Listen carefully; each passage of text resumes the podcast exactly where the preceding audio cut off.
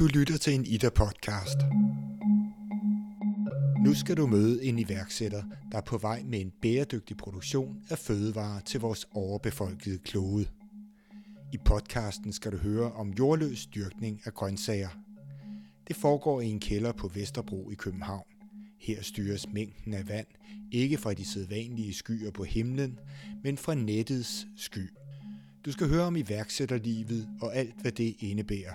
Et liv, hvor du ikke bare skal koncentrere dig om din opfindelse og produktion, men også skal sælge, udvikle, lave momsregnskab, få taget billeder til hjemmesiden og meget mere. God fornøjelse. Rasmus Bjerngård, nu sidder vi i en kælder på Vesterbro. Det er sådan et rigtigt iværksættermiljø. Hvordan er du nået hertil? Ja, kælderen her på Vesterbro øh, startede vi jo ud i med Nextfood, øh, og, og startup skal jo starte i kælder, så, så det tænkte vi, det var, det var meget passende.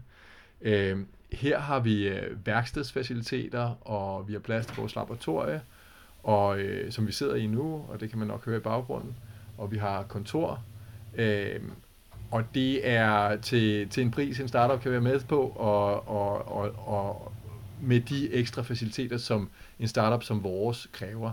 Øh, og det er særligt værksteds- og laboratoriefaciliteter, som ellers kan være svære at få fat i. Ja, vi sidder inde i et kælderrum nærmest, men der gror basilikum øh, rundt om ørerne på os. Øh, og det er vel helt ideen i det her. Ja, altså vi har, vi har sat os i vores laboratorie, øh, og øh, for, hvor vi ja, pt. gror noget basilikum, kan jeg se, og noget øh, red veined, øh, og noget salat af en slags, og der er nogle forsøg, der kører med forskellige lys, og forskellige former for sub- dyrkningssubstrater, og forskellige vandingscykler. Og, og ja, det, det det, vi bruger det her rum til. Det er til at teste både systemet og til at teste forskellige dyrkningsmetoder. Det vil sige, øh, hvordan vores øh, dyrkningsopskrifter er, øh, og hvordan vi kan optimere dem og, og sikre, at vi kan reproducere det og, og få nogle gode resultater som, som mad i systemet. Rasmus Bjerngård startede Nextfood sammen med sin co-founder Hannes Lindahl. De er begge ingeniører og har begge erfaringer fra tidligere med at starte virksomheder. Med Nextfood vil de nu være med til at revolutionere verdens fødevareproduktion med den computerstyrede jordløse dyrkning af grøntsager. Rasmus, hvordan fik du ideen til Nextfood? For et par år siden øh, forlod jeg min, øh, min, min fortid i øh, investeringsbranchen, hvor jeg investerede i forskellige startups, og jeg vil gerne tilbage til at, øh, at, at være iværksætter igen, som jeg, som jeg har været tidligere, og øh, have hands-on i, i udvikling af, af nye ting. Men jeg kunne også godt tænke mig at lave noget, som, som var vigtigt, noget, som betyder noget. Øh, der er ikke noget galt i at lave øh, ting, som er en god forretning osv., men det giver et andet perspektiv, hvis man både kan lave noget, der har øh, stort forretningsperspektiv og øh, er vigtigt for, for, for, for den videre for fremtiden. Og vores madforsyning har nogle store problemer både i dag og i fremtiden. Den er meget øh, ubæredygtig, og kvaliteten af den mad, vi spiser, er desværre ikke så god, som den kunne være. Både i den her del af verden, og bestemt også i andre dele af verden. Så det var sådan den sådan overordnede øh, årsag til, at fødevare var interessant. Og øh, min co-founder og jeg, øh, Hannes, øh, min co-founder, øh, kiggede på mulighederne for, for jordløs dyrkning øh, som, som en, en måde at løse nogle af de udfordringer på. Og, og det, det vi jo får ud af, af den jordløs dyrkning, det er, at, at vi kan dyrke meget mere effektivt. vi kan dyrke året rundt, og vi kan dyrke øh, tæt på, hvor det bliver konsumeret, det vil sige i urbane miljøer, både inde i byen og i, sådan, i nærheden af byen. Rasmus, nu står vi inde i en container, en skibscontainer, Ja. ude i Københavns Nordvestkvarter. Og der er ikke noget jord, men der er masser af planter, der står i en metalstigereol. Prøv at fortælle lidt om, hvad det er, der foregår. Ja, vi dyrker jo jordløs, som, som du siger. Øh, vi bruger en teknologi, der hedder eukonik. Øh, det er den måde, man vander planterne og giver dem næringsstoffer. Øh, jord er jo et holdemedie for, for, for vand og næringsstoffer. Og, øh, og Planterne behøver det ikke som sådan, men de har brug for næringsstoffer, øh, lys, øh, vand selvfølgelig, øh, og hele det miljø, som planten ellers oplever udenfor, når den gror, øh, genskaber vi her. Dog uden alle de øh, problemer, som planter også oplever, netop oversvømmelser, øh, for meget sol eller, eller, eller fungus eller øh, forskellige invasive arter, som, som generer dem. Der er jo nogen, der vil sige, øh, hvor bruger man meget mere energi på, altså der er noget med nogle computer, der skal bruges til det her, og øh, forskellige andre ting. Altså kunne det ikke lige så godt betale sig at dyrke det i jorden? Der er jo ikke noget galt med jord, men vi har desværre ikke mere tilbage af det. Øh, så vi mangler simpelthen jord, og, øh, og, og det, det jord i verden, som kan dyrkes, er, er der mindre og mindre af øh, efterhånden, som vi kommer frem i tiden, fordi vi bliver flere og flere mennesker, vi fylder simpelthen mere. Øh, og vi har desværre også udpint meget af den jord, som vi bruger. Så vi bliver faktisk nødt til at finde nye måder. Desuden så er det jo så sådan, at den, det landbrug og den fødevareproduktion, som vi har i dag, er meget ineffektiv. Og hvis vi skal brødføde verdens befolkning, både nu og i fremtiden med øh, mad, som er, pesticidfrit og høj kvalitet, næringsindhold, og som smager godt, så bliver vi nødt til at finde nogle nye måder. Det her er en af måderne, en af de mest lovende måder at dyrke grøntsager og planter på. Øh, og årsagen til det er interessant er faktisk, at vi sparer energi, og at vi sparer ressourcer, at vi kan nedbringe madspild i meget høj grad. Så den, den forsyningskæde, vi har i dag, øh, er der helt op til 40% spild i, når det kommer til grøntsager. Øh, planterne øh, transporteres over 2.000 km, opbevares osv., og, og det gør, at de faktisk er gamle, når de kommer frem. Her kan vi dyrke planter, som er minutfriske, når de øh, leveres levende til restauranter, hoteller og catering. Vi har også automatiseret, som du lige var inde på, så er der computer indblandet. Det hele er forbundet til, til en, øh, en øh, computer i, i skyen, som styrer det her system, og det system kan så placeres forskellige steder, og en operatør kan dyrke højkvalitetsplanter uden at vide noget om planter. Det er, fordi det simpelthen er så nemt. Det er et spørgsmål, man går ind og siger, at jeg skal bruge et kilo basilikum om fire uger, ok, og så gør maskinen resten. Det kan godt være, at den kommer tilbage og siger, hey, fyld lige lidt vand på reservoiret, og nu er det tid til at høste. Men, men den, så maskinen ved, hvornår og hvordan planten gror bedst. Hvad er din egen baggrund, hvis du går længere tilbage? Altså, du vågnede ikke op en dag og var iværksætter. Altså, der må have været en, en proces. Hvordan fandt du den vej? Altså oprindeligt er jeg uddannet ingeniør, øh, så har jeg så undervejs i, i mit, øh, i mit, mit arbejdsliv øh, øh taget en MBA i, i en øh, executive MBA i øh, London Business School i London, og har studeret noget psykologi. Øh, oprindeligt så arbejdede jeg som ingeniør, jeg har også været forsker, øh, forsket i medicinsk ultralyd, det er mit speciale øh, fra, fra DTU, øh, og publiceret inden for det, så det har været meget sådan specifikt område, og meget sådan teknisk. Sidenhen øh, har jeg været øh, arbejdet med mobiltelefoner, og så har jeg taget, begyndt, så begyndte det sådan mere iværksætterorienteret. Jeg var i Afrika og arbejdede med Leven Grænser også, og så var jeg så i øh, Silicon Valley og arbejdede for en, en dansk startup, øh, som vi byggede op der. Sidenhen øh, en amerikansk startup, som vi byggede op i, i Europa, og har startet noget selv, og så røg jeg så ind i venturekapital, hvor jeg har været i en længere årrække i to forskellige fonde, senest som, som, øh, som partner i en, en, en, af de, øh, en af de centrale fonde her i, i Norden, og øh, det forlod jeg så for et par år siden, øh, fordi jeg gerne ville tilbage til, til, øh, til at bygge, øh, og det var, det, var, det var tid til at gøre det. Øh, så det, det, er den, det er den korte version. Hvad ser du af perspektiver i det her med Next Food? Altså perspektivet i mad generelt er kæmpestort. Vi bliver mange flere mennesker. Vi bliver øh, øh 2-3 milliarder flere mennesker inden for de næste 30 år. Og de tek- den teknologi, vi har i dag, er ikke tilstrækkelig til at brødføde øh, verdens befolkning. Øh, I hvert fald ikke sådan, som vi bruger den i dag. Der er jo et kæmpestort spild i fødevareforsyningskæden. Øh, der er et kæmpestort øh, spild af udvik, altså det mad, som allerede er blevet produceret. Øh, og så er der et kæmpe stort spild i form af de ressourcer, som vi bruger til at producere. Så en af potentialerne er at gøre det mere effektivt. Øh, og det er så både et forretningspotentiale, Øh, men det er også et potentiale i forhold til at lave bedre madvarer. Øh, det er jo øh, centraliseret industrielt øh, produktion, vi har i dag. Øh, og, og så har vi en masse transport og opbevaring og behandling af de fødevarer, vi, øh, friske fødevarer, vi, vi får produceret i form af frugt og grønt. Og det har nogle, nogle uheldige virkninger på, på, øh, på altså det er pesticider og, og fungicider og så videre, og den her opbevaring i, under forskellige specielle forhold, som simpelthen gør, at næringsstofferne ikke er så gode, og sundheden ikke er lige så stor, som den kunne være.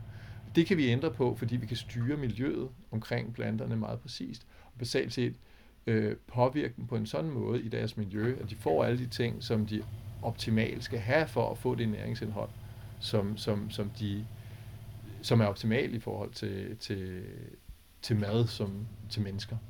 Så det er det ene perspektiv, og så er der altså hele øh, bæredygtighedsperspektivet, øh, som er ekstremt vigtigt. Øh, med mange flere jo, mennesker på jorden, og allerede nu, er vores meget ubæredygtige måde at producere mad på et kæmpe stort problem. Det, vi kan simpelthen ikke fortsætte på den her måde. Øh, og det er måske menneskehedens største øh, udfordring. Prøv lige at forklare her, hvad det er, der, der sker. Altså, der er sådan en, en plastikkasse, er det vel egentlig, på sådan en hylde, og så er der en masse planter. Jeg kan se noget, der jeg tror er rødbeder. Ja, det, det du ser, der ligner rødbeder, det er faktisk, øh, ja, det hedder red vein sorrel.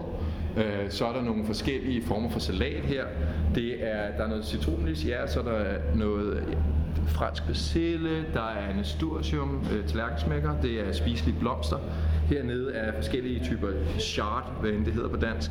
Du kan se, at vi har nogle super flotte kolder, øh, farver. Øh, rød og gul her øh, i forskellige regnbueschart hedder det. Og jamen, så er der en stribe andre ting, nogle kæmpe store blade hernede. Så vi kan virkelig gro alting. Vi kan faktisk gro træer i det her. Vi gror også planter i drivhuse. Her der gror vi jo under kunstig lys, fordi så kan vi gro på hylder, som du siger. Øh, det der ligner en stigereol her, som er i virkeligheden bare en hylde, hvor vi har placeret øh, i lag for at være rigtig effektive. Faktisk 100-200 gange, måske endda mere, så mere effektiv, end hvis man gror udenfor.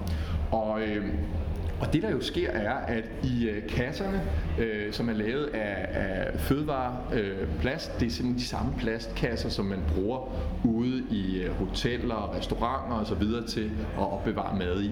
Så det er sådan nogle meget holdbare nogen, som man kan bruge igen og igen.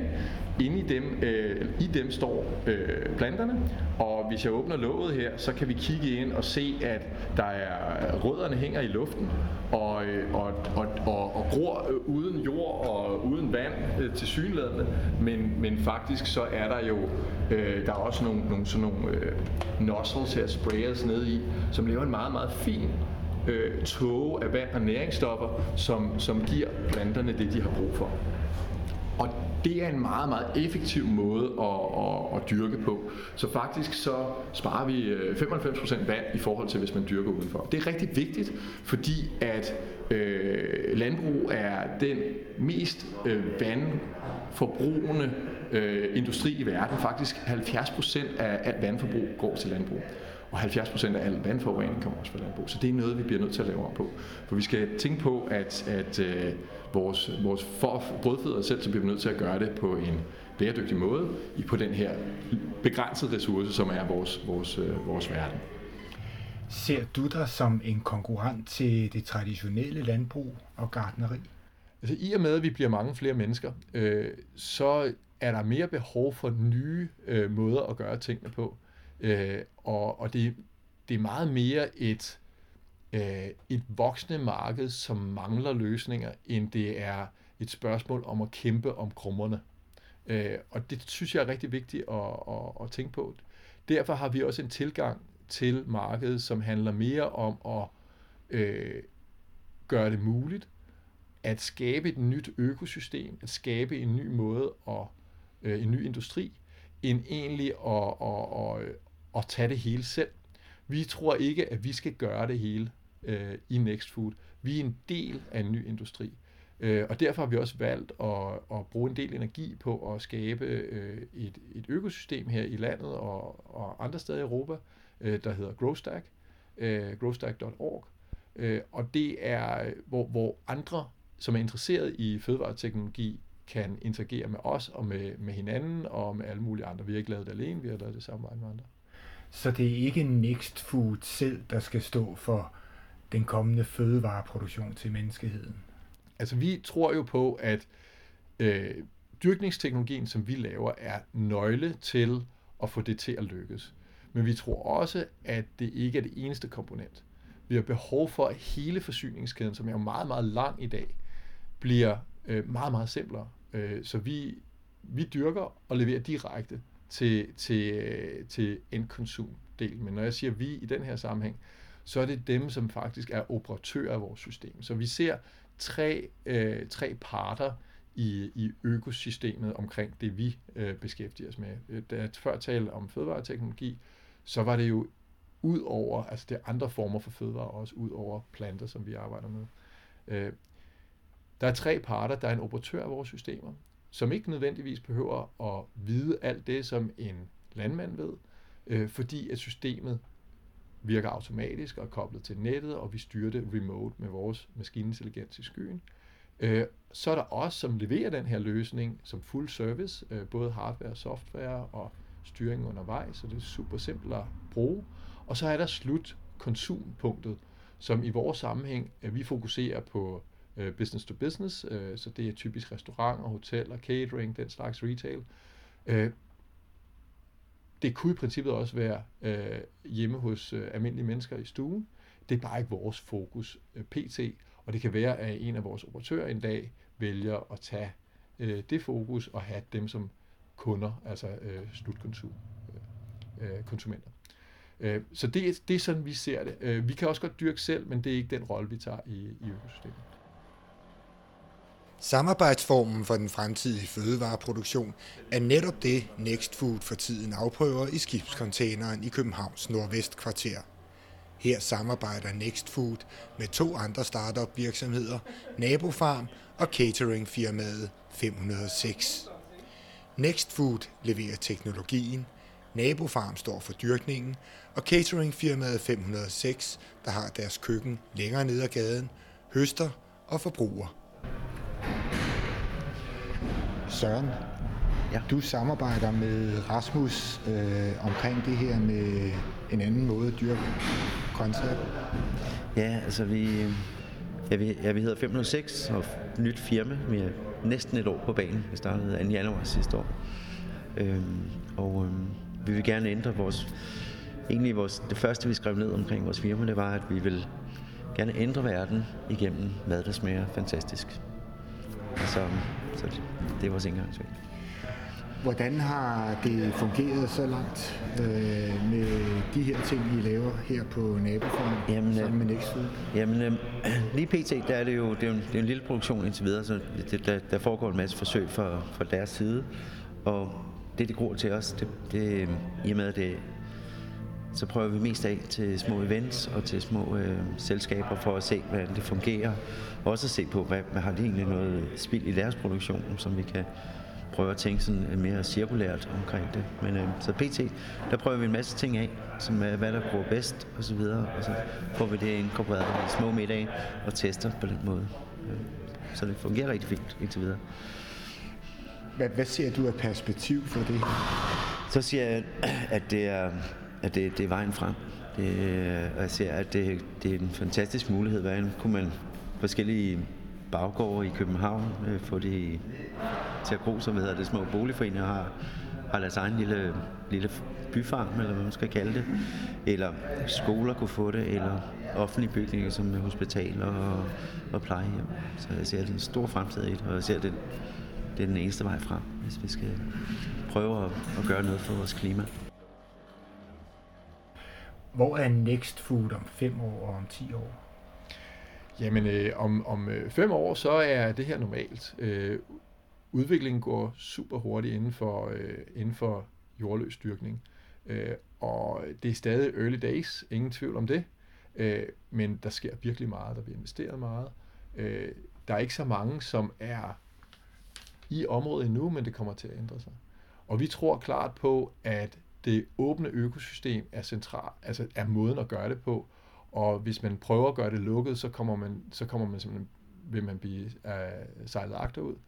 Øh, Så om fem år er Nextfood en del af et større økosystem, og vi vil øh, levere den platform, hvorpå det system virker. Og øh, selvom det er en stor øh, sammenligning, så kan jeg ikke lade være med at sammenligne lidt med internettet, som man kan sige, hvis, hvis internettet havde været ejet af én virksomhed, så var der aldrig blevet internettet.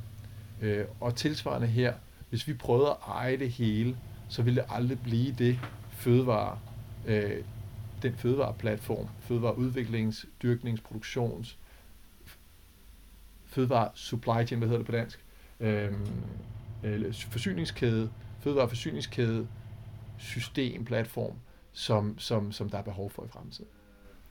Så du ser ikke Next Food som den store patentejer på, på det her område?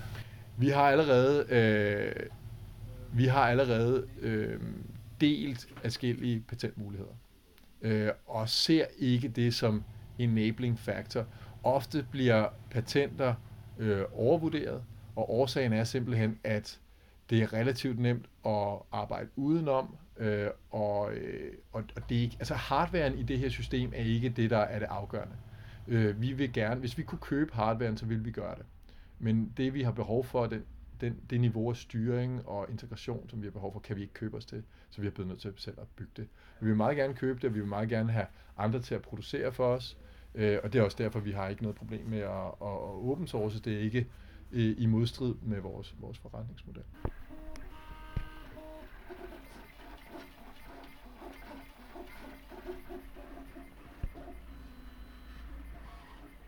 Nu er vi gået ind i et andet lokale her i kælderen på Vesterbro. Hvad, hvad foregår der herinde?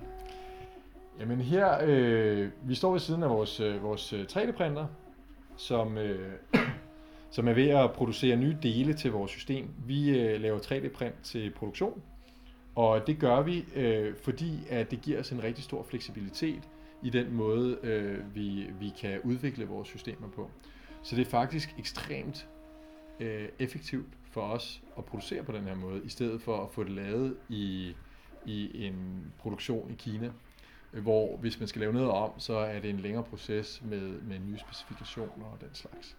Her kan vi, hvis vi får en nyt komponent, der skal på en eller anden måde passes ind, så ændrer vi bare den øh, holder, øh, der er 3D-printet til den gamle komponent, til nu at passe til den nye, for at, for ligesom at eksemplificere det.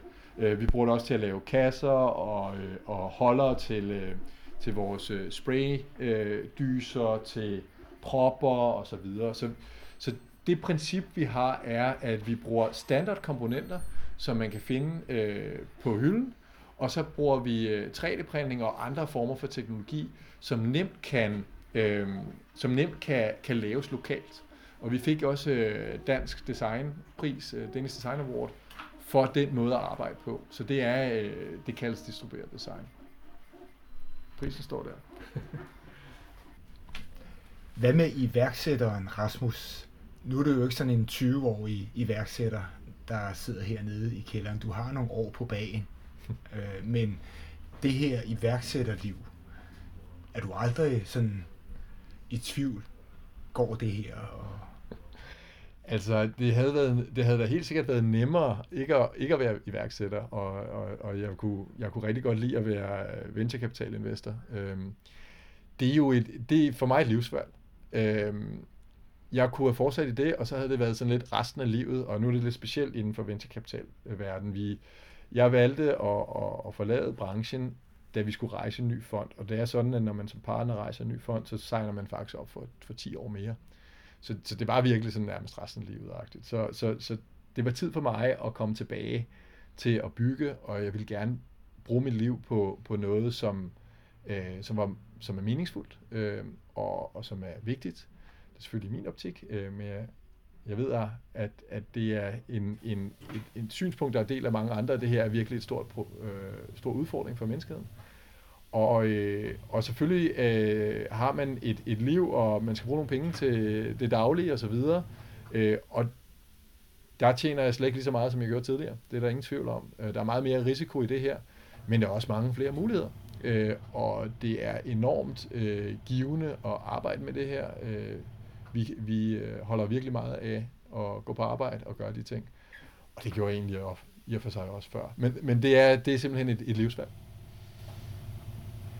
Så du tvivler aldrig? Nej, det gør jeg egentlig ikke. Jeg tvivler ikke på, at det er det rigtige. Det var, det var et meget øh, informeret valg, og selvfølgelig er der en risiko. Og selvom det så ikke skulle lykkes, jamen så, så gik jeg jo ind i det med åbne øjne. Øh, og sådan er det. Sådan er det. Altså, nu har jeg set så mange startups og været involveret i så mange, øh, været privilegeret og kommet tæt på en fantastisk masse dygtige iværksættere. Øh, og, og det er livet, og det er vilkårene, når man er iværksætter. Det, det er ikke altid det er ikke altid let, og øh, der er en masse hårde udfordringer, og, og det er også en del af fornøjelsen et eller andet sted. Øh, man gør det også for den, for den øh, rusjebanetur, man, og man, man skal i hvert fald være klar til den. Øh, de udfordringer, som jo kan være stressende på nogle måder, er også det bedste. Øh, det er virkelig, øh, man får virkelig mulighed for at, at rykke ved noget. Prøv at beskrive en typisk arbejdsuge for dig. Hvad indeholder den? Ja, hvad indeholder min arbejdsuge ikke? Øh, men det, det, er jo, det er jo alt muligt. Øh, det er jo alt fra at øh, tale med partnere, til at produktudvikle, til at øh, lave website, til at lave øh, øh forretningsplaner og øh, øh, momsafregning. Øh, selvfølgelig øh, dialog med min, min øh, med mit team her, og øh, så har vi nogle ja, partnere, det er jo så mange forskellige, det er både kunder øh, og øh, forskningsinstitutioner. Øh, det er, så har vi jo haft et, et stort engagement i, i GrowthStack, så det er communityet, der involverer sig der. Så er der mange, som, som gerne vil have os ud og, og fortælle om, hvad vi laver. Øh, og det vil vi jo rigtig gerne, men det er jo en af de ting, vi nogle gange bliver nødt til at vælge fra. Ja, der, der er virkelig mange forskellige. Jeg har garanteret glemt mindst halvdelen. Yeah, big fan. There you go. Do you want one on where we're on the sides or? Um, the only thing is, I wish I had a fill flash to like make sure, oh, yeah. but it's because it's gonna, it's gonna burn out a little bit. But, yeah. You know, let's do a silhouette. That'd be cool as well. En silhouette. Ah. Øhm, Hvad er gang med det? Øh, jeg skruer bare ned for I står bare som I gør. Ja. Det er bare sådan, så det lys ligesom kommer i fokus, og så kommer I til at stå som skygger. Hvis du skulle give et par gode råd til nogen, der går og tænker, at jeg har en god idé, men tør jeg springe ud i det? Hvad skulle det så være? I virkeligheden er jeg tilbøjelig til at, at, at tage et skridt tilbage, og først så sige, hvor, hvor er man henne? Øh, hvad vil man i virkeligheden gerne med sit liv? Øh, altså, hvad, hvad er vigtigt for en? Øh, hvis, man, hvis det bare er ideen, Øh, og nu kunne man godt tænke sig at realisere den, skal man gøre sig meget klart, at, at det, det er et livsvalg. Ikke? Altså, der, det har nogle konsekvenser, øh, og, og både for en selv og for, for dem, der er tæt på en. Ikke? Øh, det har også nogle kæmpe store muligheder. Og der vil jeg sige, at nogle gange så er det rigtige faktisk for folk måske at gå ind i en startup og arbejde i en startup, i stedet for selv at starte noget fra scratch. Det er rigtig hårdt at starte fra scratch. Jeg, jeg burde vide bedre, øh, kan man sige, øh, efter at have set mange andre startups. Jeg ved godt, at det er rigtig hårdt at starte fra scratch. Nogle gange kan det betale sig at gå ind i en anden, og så måske også lære noget der, især hvis man kommer fra en, en stor corporate, og måske ikke har gjort det før, og ikke er, helt med på, hvad, hvad, hvad, hvad, hvad det handler om. Eller man kan, man kan altså, eller, altså man, er ikke, man har ikke førstehånds erfaring med det. Det gælder jo ligesom i mange andre ting måske det er en god idé at gå ind, og der sker rigtig meget i Danmark. Der er rigtig mange dygtige iværksættere, der er rigtig mange spændende startups. Øh, bliv ansat i en af dem, lær noget, og så på den måde også få fintunet ens egen idé. Og hvis man er klar på at kaste sig ud i det, så skal man bare gøre det. Egentlig var podcasten her tænkt som det personlige portræt af iværksætteren Rasmus Bjerngård, en mand, der forlader et meget vellønnet job for at vende tilbage til det indimellem hårde iværksætterliv, som han har prøvet før. Men denne gang med en dybt følt mission. Hvordan kan vi dyrke fødevarer fremover på en bæredygtig måde, så der er mad nok til alle på jorden? Og på den måde blev det mere til et portræt af iværksætteren og hans mission, end af iværksætteren selv. Sådan må det være, for missionen er det, der optager Rasmus både dag og nat. Jeg kom nysgerrig til møde med iværksætteren i kælderen på Vesterbro, og jeg gik glad derfra på egne og menneskehedens vegne med en lille optimisme i forhold til klodens fremtid. Ida Podcast er skabt af Ingeniørforeningen Ida. Denne her podcast var tilrettelagt og redigeret af Teddy Østerlin Kok.